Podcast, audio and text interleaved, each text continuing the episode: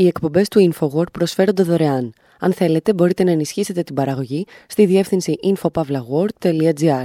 Η διεύθυνση infopavlagor.gr. Η εκπομπή InfoWord με τον Άρη Χατζηστεφάνου.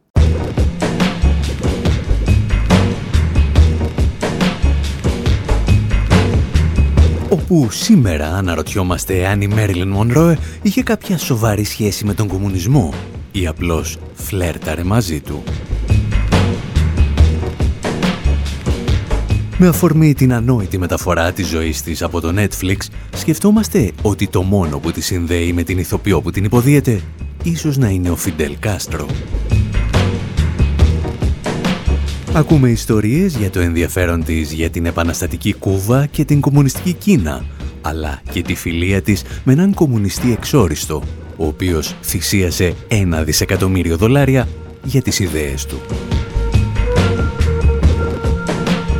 Θυμόμαστε τα χρόνια της δίπλα στον Άρθουρ Μίλλερ, την περίοδο του μακαρθισμού, και υποστηρίζουμε ότι δεν είναι φεμινιστικό να παρουσιάζεις μια γυναίκα μόνο σαν θύμα, αγνοώντας όσα κατάφερε μόνη της.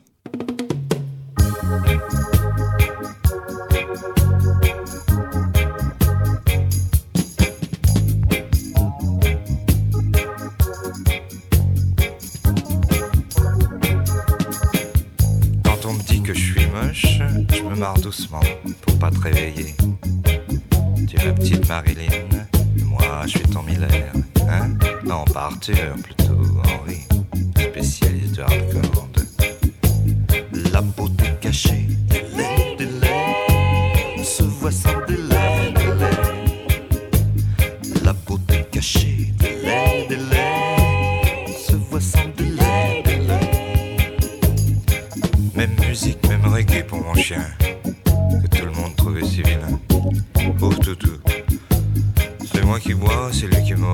cirrhose, te déteste pas.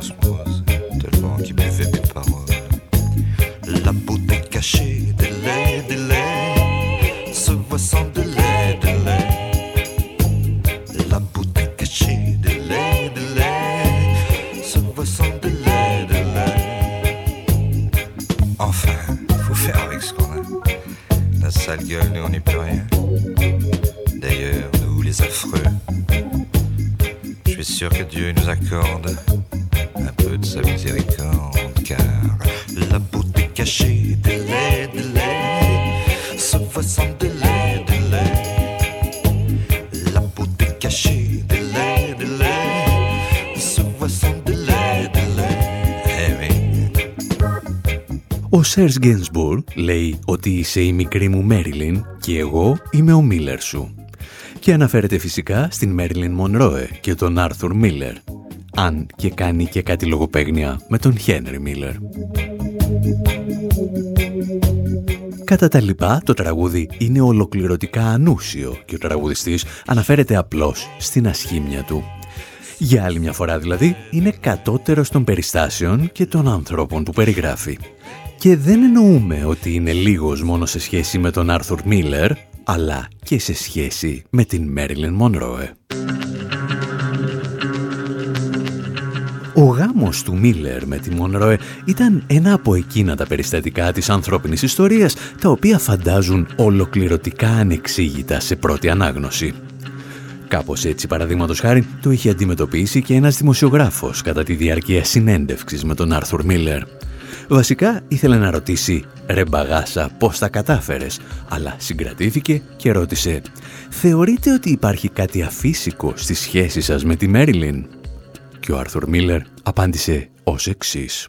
No, it didn't. It, it seemed there was an unlikely quality to it, sure, from cultural point of view, if you want to call it that. Όχι, δεν ήταν αφύσικο. Ενδεχομένως από πολιτισμική σκοπιά να υπήρχε κάτι το αφύσικο. Στην πραγματικότητα όμως θέλαμε το ίδιο πράγμα. Εγώ να ζητούσα σε όλη μου τη ζωή να δημιουργήσω μια ενοποιημένη εμπειρία του εαυτού μου. Αυτό επιχείρησα και στο έργο μου Ο Θάνατος του Εμποράκου. Να υπάρχει ένα ενοποιητικό στοιχείο της κοινωνίας, της ψυχολογίας και ούτω καθεξής. Το γεγονός ότι υπήρχε κάτι ανάρμοσο στη σχέση μου με τη Μέρλιν έκανε για μένα αυτή τη σχέση απόλυτα φυσιολογική. Ήμασταν τα δύο άκρα αυτής της κοινωνίας. Το ένα έδειχνε να είναι αισθησιακό και να λατρεύει τη ζωή, ενώ στο κέντρο του υπήρχε σκοτάδι και τραγικότητα. Το ίδιο ισχύει όμως και για εμένα, οπότε δεν ήταν και τόσο τρελό.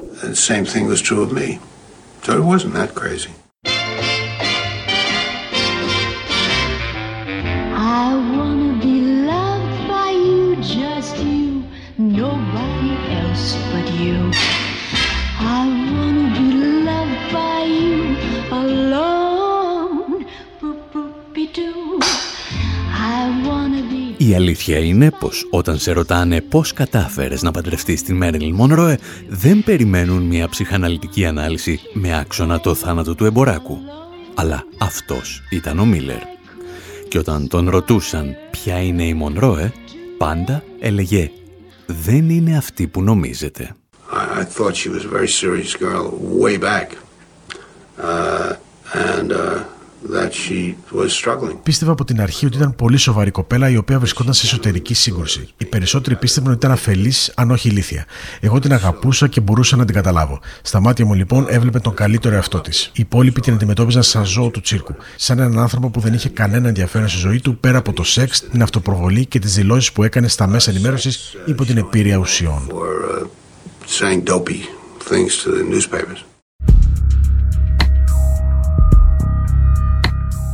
Η Μέρλιν Μονρόε λοιπόν δεν ήταν το ανόητο κοριτσάκι που παρουσίαζε η βιομηχανία του θεάματος. Και αν κάποιοι πιστεύουν ότι έμαθε να σκέφτεται μόνο δίπλα στον Άρθουρ Μίλλερ, κάνουν μεγάλο λάθος. Γιατί ένα χρόνο πριν τον παντρευτεί, το FBI την παρακολουθούσε ήδη για τις διασυνδέσεις της με κομμουνιστές εντός και εκτός των Ηνωμένων Πολιτειών. We also learned more today about the FBI's secret files on Marilyn Monroe. Σήμερα μαθαίνουμε περισσότερα για το μυστικό φάκελο του FBI για τη Μέρελι Μονρόε. Όπως αποκαλύπτεται, ορισμένοι από τους φίλους της θεωρούνταν κομμουνιστές. Η ίδια προσπαθούσε να ταξιδέψει στη Σοβιετική Ένωση. Το FBI διατηρούσε φακέλους για αυτήν από το 1955 έως το θάνατό της το 1962.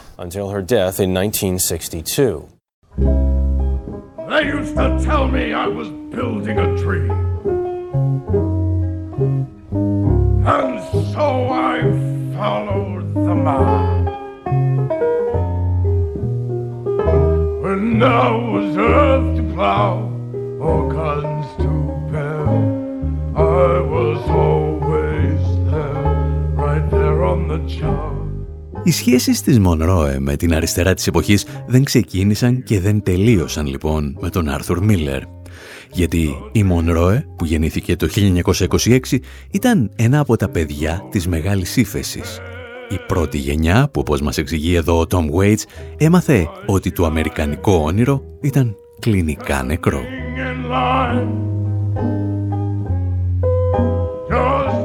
Καθώς η μητέρα της αντιμετώπιζε έντονα ψυχολογικά προβλήματα, η Μέριλιν πέρασε σε πολλές ανάδοχες οικογένειες και μία από αυτές ήταν των Μπολάντερς. Ο θετός της πατέρας ήταν ταχυδρόμος σε μια συνοικία μάφρων στο Watts του Λος Άντζελες και εκεί η Μέριλιν έμαθε ότι η φτώχεια και οι κοινωνικές τάξεις δεν έχουν χρώμα. Mr. Hogan went in the warehouse today. Found two of the girls curled up asleep in this Did he holler? Murder. Well, when a man pays a day's wages, or a day... Στους πρώτους της ρόλους, στον κινηματογράφο, υποδίεται την φτωχή κοπέλα της κρίσης ή την εργάτρια. Όπως εδώ, στο Class by Night του περίφημου Fritz Lang, του δημιουργού του Μετρόπολης. Και όσο περνούν τα χρόνια, αυτή η εργάτρια φαίνεται πως σταδιακά ριζοσπαστικοποιείται. You remember Miss Caswell? I do not. How do you do? We've never met. Maybe that's why. Miss Caswell is an actress. A graduate of the Copacabana School of Dramatic Art. Στα γυρίσματα της ταινίας «Όλα για την Εύα» η παραγωγή είναι έξαλλη μαζί της, γιατί μέσα στο στούντιο κάθεται και διαβάζει, λέει, αριστερά βιβλία. Συγκεκριμένα διάβαζε την αυτοβιογραφία του Λίκον Στέφανς, ενός κομμουνιστή συγγραφέα που θεωρείται από τους πατέρες της ερευνητικής δημοσιογραφίας.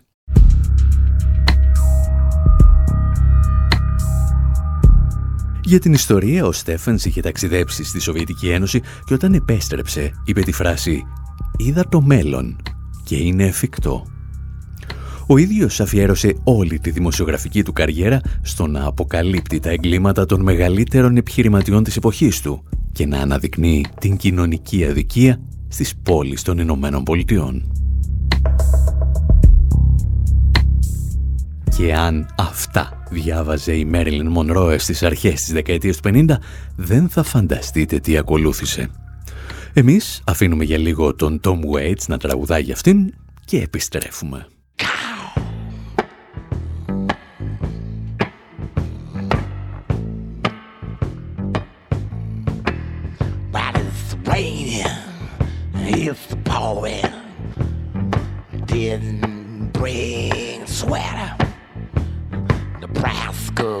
devil.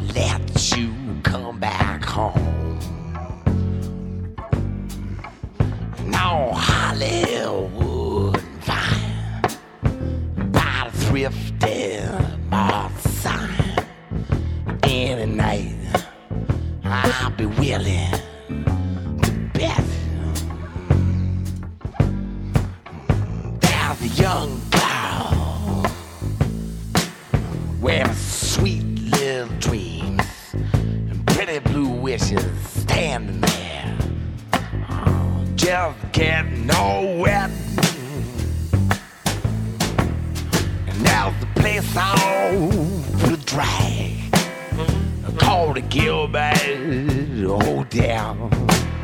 And now the couple ladders burning out in the sign. And it's the Palatine, the bus stop. Oh, they do good business every time it rains. For little girls with nothing in their jeans, pretty blue wishes, sweet little dress. Mm-hmm. And it's raining it's pouring. Oh man is snoring. Now I lay me down to sleep. I hear the sirens in the street. All my dreams made of chrome. I have no way get back home. I'd rather die before I wake like Marilyn Monroe. How you can throw my dreams out in the street and let the rain make them grow.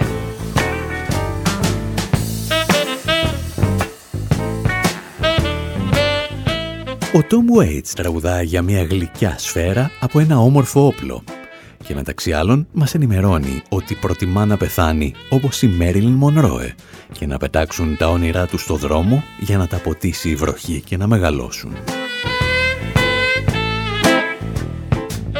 Στη δική μας ιστορία πάντως, η Μέριλιν Μονρό είναι ακόμα ζωντανή και ακμεότατη.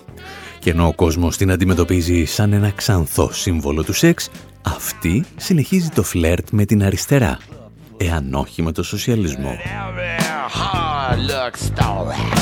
Όπως έγραφε πριν από μερικά χρόνια το περιοδικό Time, η Μέριλιν δεν έκρυψε ποτέ τον θαυμασμό της για τον Φιντελ Κάστρο. Και η αλήθεια είναι ότι για ένα πολύ μικρό χρονικό διάστημα δεν ήταν η μόνη που το έκανε στις Ηνωμένες Πολιτείες.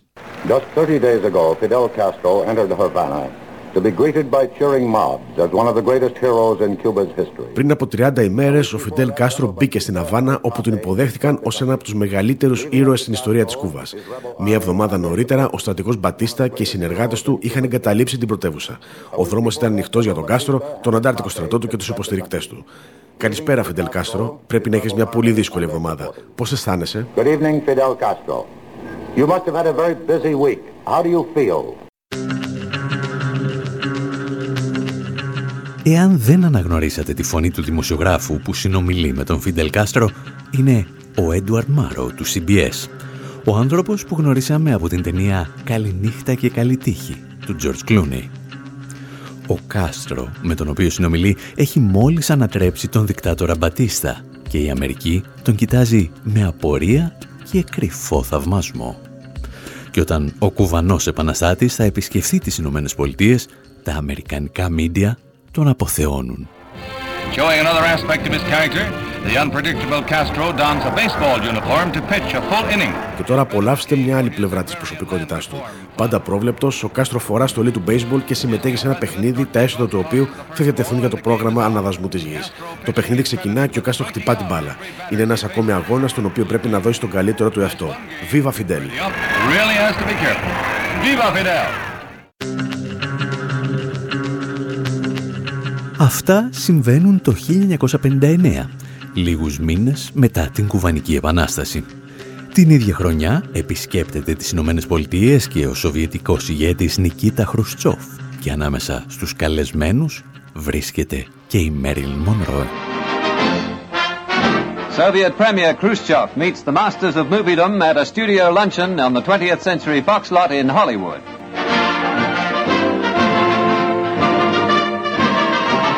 Marilyn Monroe, quite an attractive attraction herself. Θα μπορούσε βέβαια να υποθέσει κάποιος ότι αφού το 1959 οι Ηνωμένες Πολιτείες υποδέχονταν τον Κάστρο και τον Χρουστσόφ, η στήριξη που τους παρήχε η Μέρλιν Μονρόε ήταν απλώς εθιμοτυπική. Η ίδια όμως είχε και μερικούς ακόμη επικίνδυνους φίλους. Το 1962, παραδείγματος χάρη, επισκέπτεται στο Μεξικό τον κομμουνιστή Φρέντερικ Βάντερπιλτ Φίλντ, ο οποίος έχει αυτό εξοριστεί για να γλιτώσει από τις διώξεις του μακαρθικού καθεστώτος στις Ηνωμένες Πολιτείες. Ο Φίλντ ήταν δυσέγγονος του βαρόνου των σιδηροδρόμων Κορνίλιους Βάντερμπιλτ. Η οικογένειά του όμως τον αποκλήρωσε λόγω των αριστερών του απόψεων. Λέγεται μάλιστα ότι για το λόγο αυτό έχασε κληρονομιά 70 εκατομμυρίων δολαρίων τη δεκαετία του 1920, το οποίο σε σημερινές τιμές ξεπερνά το 1 δισεκατομμύριο δολάρια. Παρεπιπτόντος, ο Φίλντ είχε αναφερθεί στη Μέριλιν Μονρόε στο βιβλίο του From Right to Left και μεταξύ άλλων έγραφε και τα εξής. Μιλούσε ένθερμα για τα ανθρώπινα δικαιώματα και τα δικαιώματα των μαύρων, ενώ εξέφραζε το θαυμασμό της για όσα συνέβαιναν στην Κίνα. Μισούσε το κυνήγι μαγισσών εναντίον των κομμουνιστών, αλλά πολύ περισσότερο μισούσε το διευθυντή του FBI, τον Edgar Hoover. Έχουμε λοιπόν μια ηθοποιό την οποία οι περισσότεροι αντιμετωπίζουν σαν ανόητη ξανθιά σεξοβόμβα, η οποία όμως θαυμάζει τον Φιντέλ Κάστρο και την κομμουνιστική Κίνα, στηρίζει το κίνημα για τα δικαιώματα των μαύρων πριν γίνει κουλ και συναναστρέφεται με εξόριστους κομμουνιστές. Και ακόμη δεν έχουμε μιλήσει για την πιο ριζοσπαστική και πολιτική στιγμή της ζωής της. Τα χρόνια με τον Άρθουρ Μίλλερ. Θα το κάνουμε ύστερα από ένα μικρό διάλειμμα, αφού πρώτα αφήσουμε τους New Order να ξαναγράφουν την ιστορία της Marilyn στο τραγούδι τους 1963. Ο Μπέρναρντ Σάμνερ που έγραψε τους στίχους είπε κάποτε, ελπίζουμε αστειευόμενος, ότι ο Τζον Κένεντι έβαλε τον Λι Χάρβεϊ Όσβαλντ να σκοτώσει τη γυναίκα του, ώστε αυτός να το σκάσει με την Μέριλιν.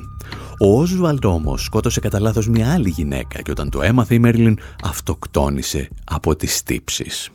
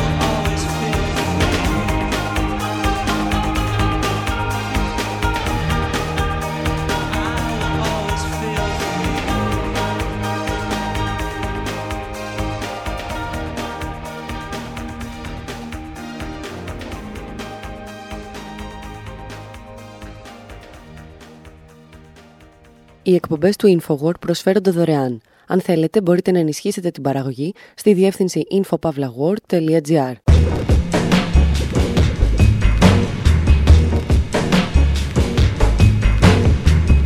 Εκπομπής InfoWord, μέρος δεύτερο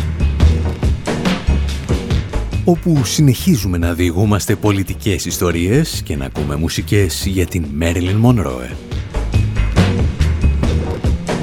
Την είδαμε να θαυμάζει τον Φιντελ Κάστρο και την κομμουνιστική Κίνα και να στηρίζει τον αγώνα για τα δικαιώματα των μαύρων. Και ακόμη δεν έχουμε μιλήσει για την πιο πολιτικοποιημένη στιγμή της ζωής της, όταν παντρεύτηκε τον Άρθουρ Μίλλερ.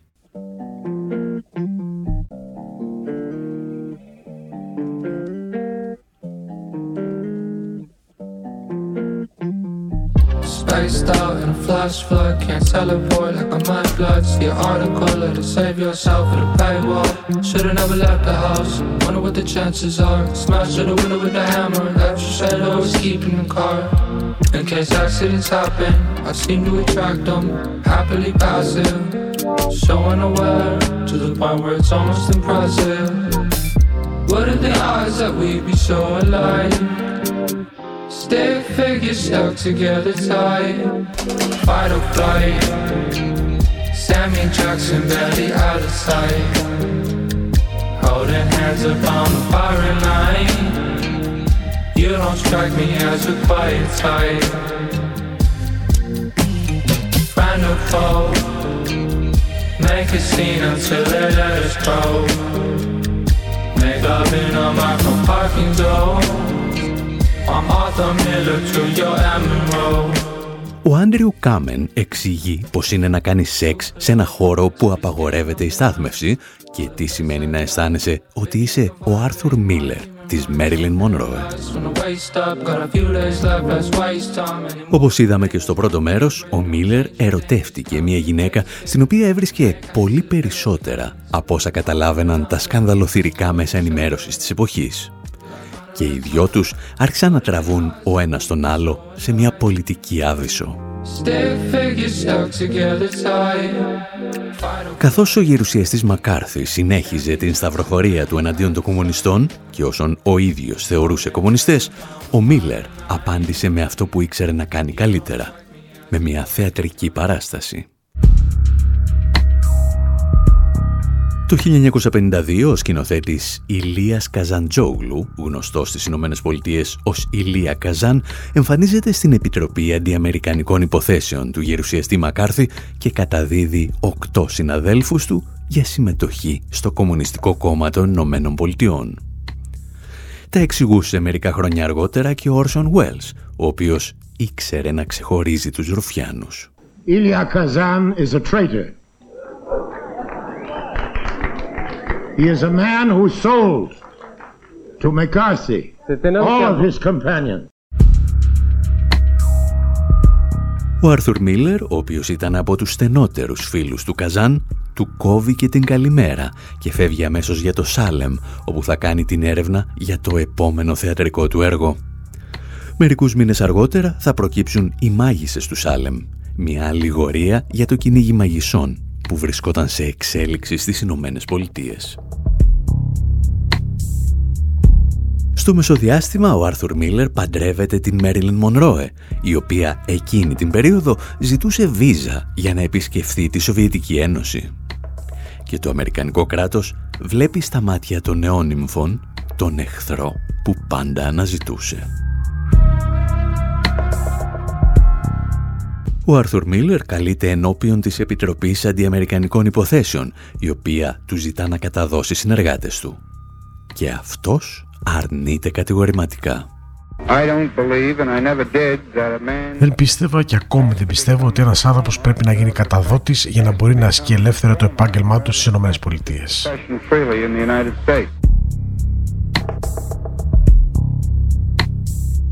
Σε όλη αυτή τη διαδικασία, η Μέριλιν Μονρόε βρίσκεται πάντα στο πλευρό του Άρθουρ Μίλλερ, γνωρίζοντας ότι κινδυνεύει να την άξει στον αέρα και τη δική της καριέρα. Στην οικογένεια του Μίλλερ και της Μονρόε όμως δεν υπήρχαν ρουφιάνοι.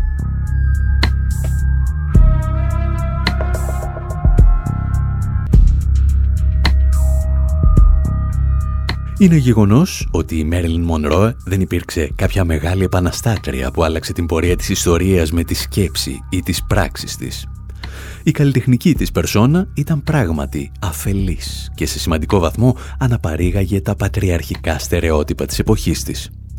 Έδειξε όμως ότι μπορείς να σταθείς με αξιοπρέπεια απέναντι σε ένα αδιφάγο μηχανισμό που χαρακτήριζε σαν πέμπτη φάλαγγα όποιον τολμούσε να εκφράσει διαφορετική άποψη. Εκείνο το καθεστώς έβλεπε παντού κομμουνιστές. Άλλα καθεστώτα με εξίσου αυταρχικούς και ανόητους ηγέτες μπορεί να βλέπουν παντού ξένους πράκτορες. Στη βάση τους όμως είναι τα ίδια.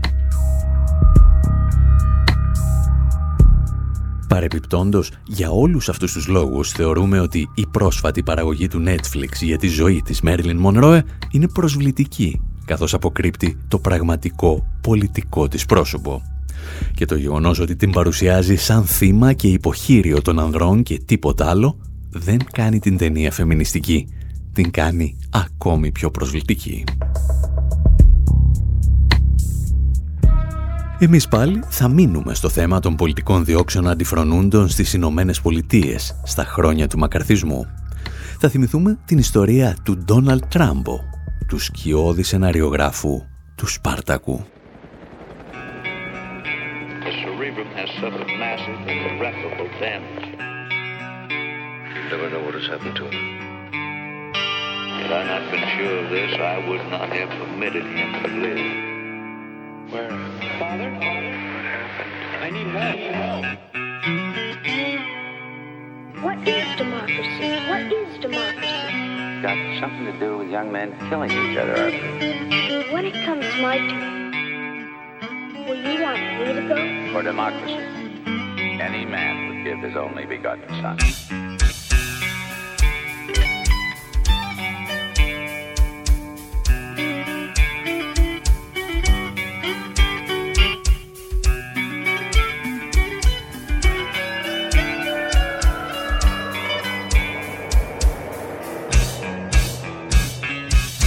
It is impossible for a decelebrated individual pleasure, memory, dreams, or thought of any kind. This young man will be as unfeeling, as unthinking as the dead until the day he joins them. I don't know whether I'm alive and dreaming or dead and remembering. How can you tell what's a dream and what's real when you can't even tell when you're awake and when you're asleep? Where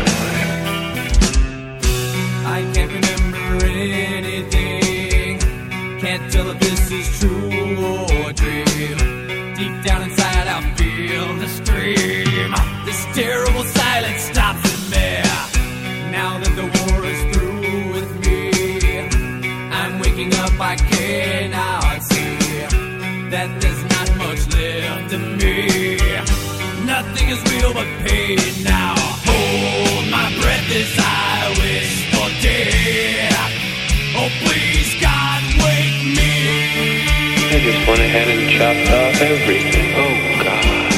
Please make them hear me. They won't listen. They won't hear me.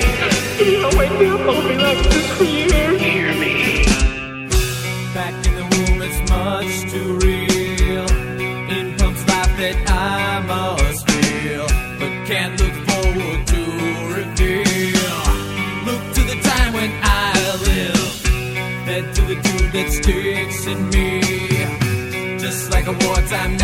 ok 再次心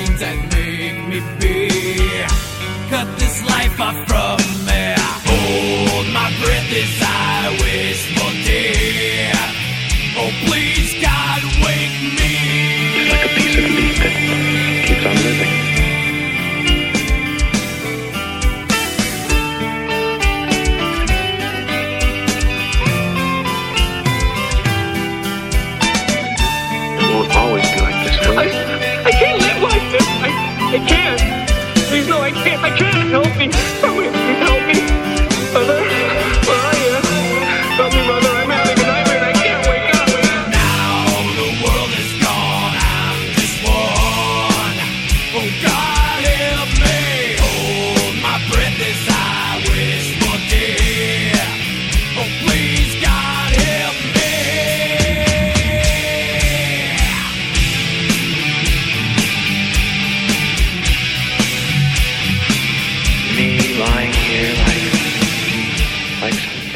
Οι Metallica γράφουν το One, εμπνευσμένοι από την ταινία «Ο Τζόνι πήρε το όπλο του», η οποία είχε στηριχθεί στο ομότιτλο βιβλίο του Ντάλτον Τράμπο, του σεναριογράφου του Σπάρτακου.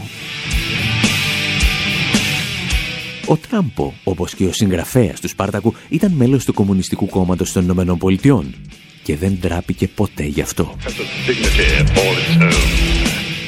Η δράση του και οι απόψεις του όμως θα τον φέρουν σύντομα ενώπιον της Επιτροπής Αντιαμερικανικών Υποθέσεων του γερουσιαστή Μακάρθη. Και αν δείτε την φωτογραφία από εκείνη την ημέρα, ίσως να προσέξετε ότι ακριβώς πίσω του κάθεται ένας κοντοκουρεμένος κύριος με στρογγυλά γυαλιά και ένα πουρο στο στόμα. Κάποιος Μπέρτολ Μπρέχτ. Όπως μπορείτε να υποθέσετε, εάν αυτό συνέβαινε σήμερα, κάποιος Ρουφιάνος θα καλούσε το 1142 και ο Μπρέχτ θα κατέληγε και ενώπιον της Επιτροπής Αντικαπνιστικών Υποθέσεων.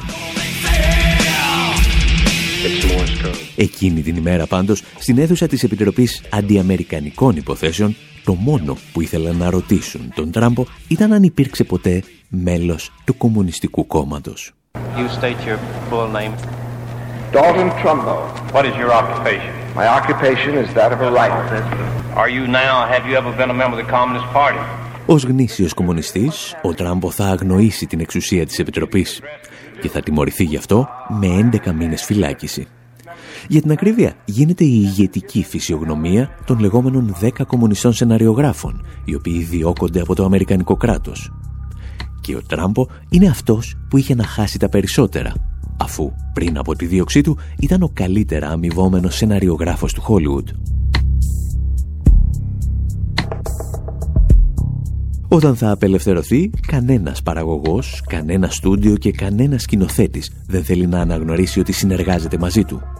Κι όμως, είναι πολλοί αυτοί που θα το κάνουν. Και ανάμεσά τους, ο Κέρκ Ντάγκλας. Του αναθέτει να γράψει το σενάριο για την ταινία Σπάρτακος.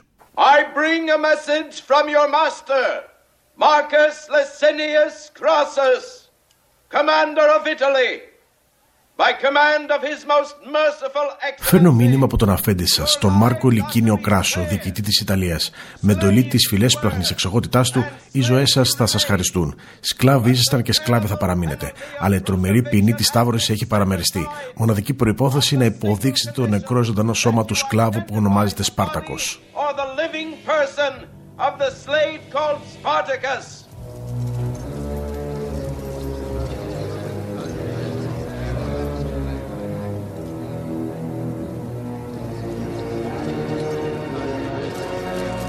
Or the living person of the slave called Spartacus.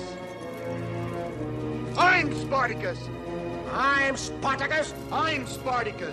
I'm Spartacus! I'm Spartacus! I'm Spartacus. I'm Spartacus. I'm Spartacus. Όταν πλέον γυρίζεται η περίφημη σκηνή των εξεγερμένων σκλάβων που φωνάζουν «Εγώ είμαι ο Σπάρτακος» για να προστατεύσουν τον αρχηγό της επανάστασής τους, όλοι καταλαβαίνουν ποιοι είναι οι σκλάβοι και κυρίως ποια είναι η Ρωμαϊκή Αυτοκρατορία, το Αμερικανικό Ιμπέριουμ του 20ου αιώνα.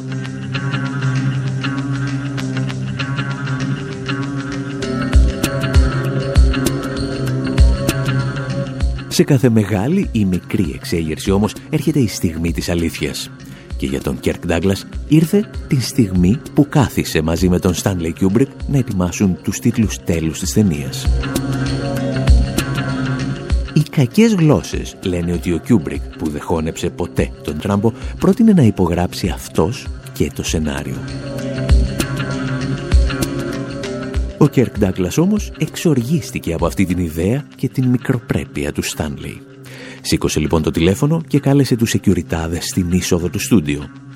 «Αύριο το πρωί», τους είπε, «θέλω να έχετε εκδώσει μια άδεια εισόδου για τον σεναριογράφο της ταινίας μου, τον κύριο Τράμπο». Αρκετά χρόνια αργότερα ο Κερκ Ντάγκλας θυμόταν εκείνη την απόφαση όταν μιλούσε για τον Τράμπο.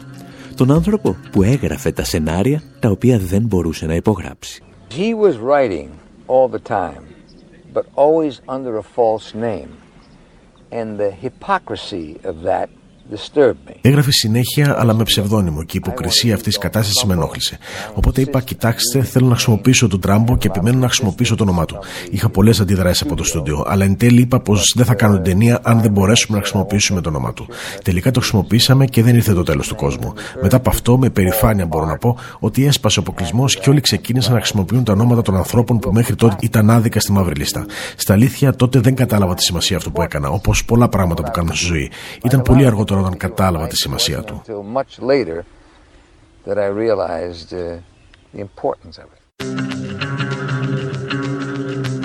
Η πράξη του Κέρκ Ντάγκλας ήταν αναμφισβήτητα ηρωική. Στην πρόταση που ακούσατε όμως υπάρχει ίσως ηθελημένα ένα μικρό λάθος. Ο Ντάγκλας υποστηρίζει ότι οι άνθρωποι όπως ο Τράμπο βρίσκονταν άδικα στη μαύρη λίστα του αμερικανικού μακαρθισμού ο Τράμπο όμως, όπως και ο συγγραφέας του Σπάρτακου, δεν βρέθηκαν κατά λάθος σε καμία λίστα. Βρέθηκαν εκεί γιατί ήταν κομμουνιστές.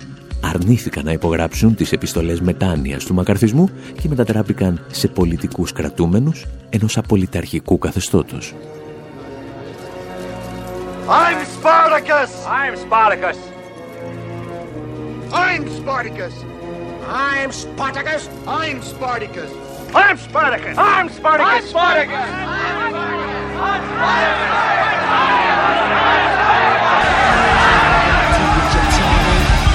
Fuck you, I won't do what you tell me! Fuck you, I won't do what you tell me.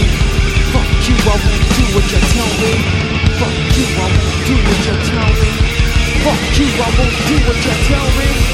Fuck you, I won't do what you tell me. Fuck you, I won't do what you tell me. Fuck you, I won't do what you tell me.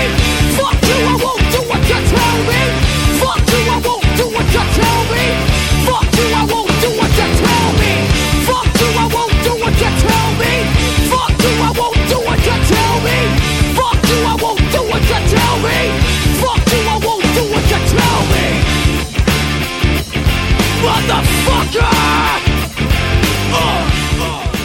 Για την ιστορία, όταν πλέον ο Κερκ Ντάγκλας είχε βγάλει τα κάστανα από τη φωτιά, ήρθε και ο Αμερικανός πρόεδρος Τζον Κένεντι να πάρει ο λίγον από τη δόξα του. Όταν ο Σπάρτακος άρχισε να προβάλλεται σε κινηματογράφους, ομάδες ακροδεξιών αντικομουνιστών συγκεντρώνονταν έξω από τις αίθουσες για να πραγματοποιήσουν πικετοφορίες. Ο πρόεδρος όμως αποφάσισε να περάσει ανάμεσά τους για να δει την ταινία. Η μαύρη λίστα του Hollywood ήταν πλέον οριστικά νεκρή με τη σύμφωνη γνώμη και του Λευκού Οίκου. Πλέον όμως το να χτυπάς τον γερουσιαστή Μακάρθη ήταν μια μόδα και όλοι ήθελαν να λένε ότι κάποτε υπήρξαν και αυτοί Σπάρτακοι. Όπως λόγου χάρη μερικά χρόνια αργότερα, οι Monty Python έλεγαν ότι εγώ είμαι ο Μπράιαν για να γλιτώσουν τη Σταύρωση. I have an order for his release. Uh, I'm Brian of Nazareth. What? Yeah, I- I'm Brian of Nazareth. Take him down. I'm Brian of Nazareth. I'm Brian. I'm Brian. I'm Brian. Κάπου εδώ βέβαια, με αυτές τις ιστορίες για ήρωες και για ρουφιάνους, φτάνουμε στο τέλος και της σημερινής μας εκπομπής. Να μας θυμάστε και να μας ψάχνετε πάντα στη διεύθυνση info.pavlawar.gr Μέχρι την επόμενη εβδομάδα πάντως, από τον Άρη Χαντιστεφάνου στο μικρόφωνο και τον Δημήτρη Σαθόπουλο στην τεχνική επιμέλεια, γεια σας και χαρά σας.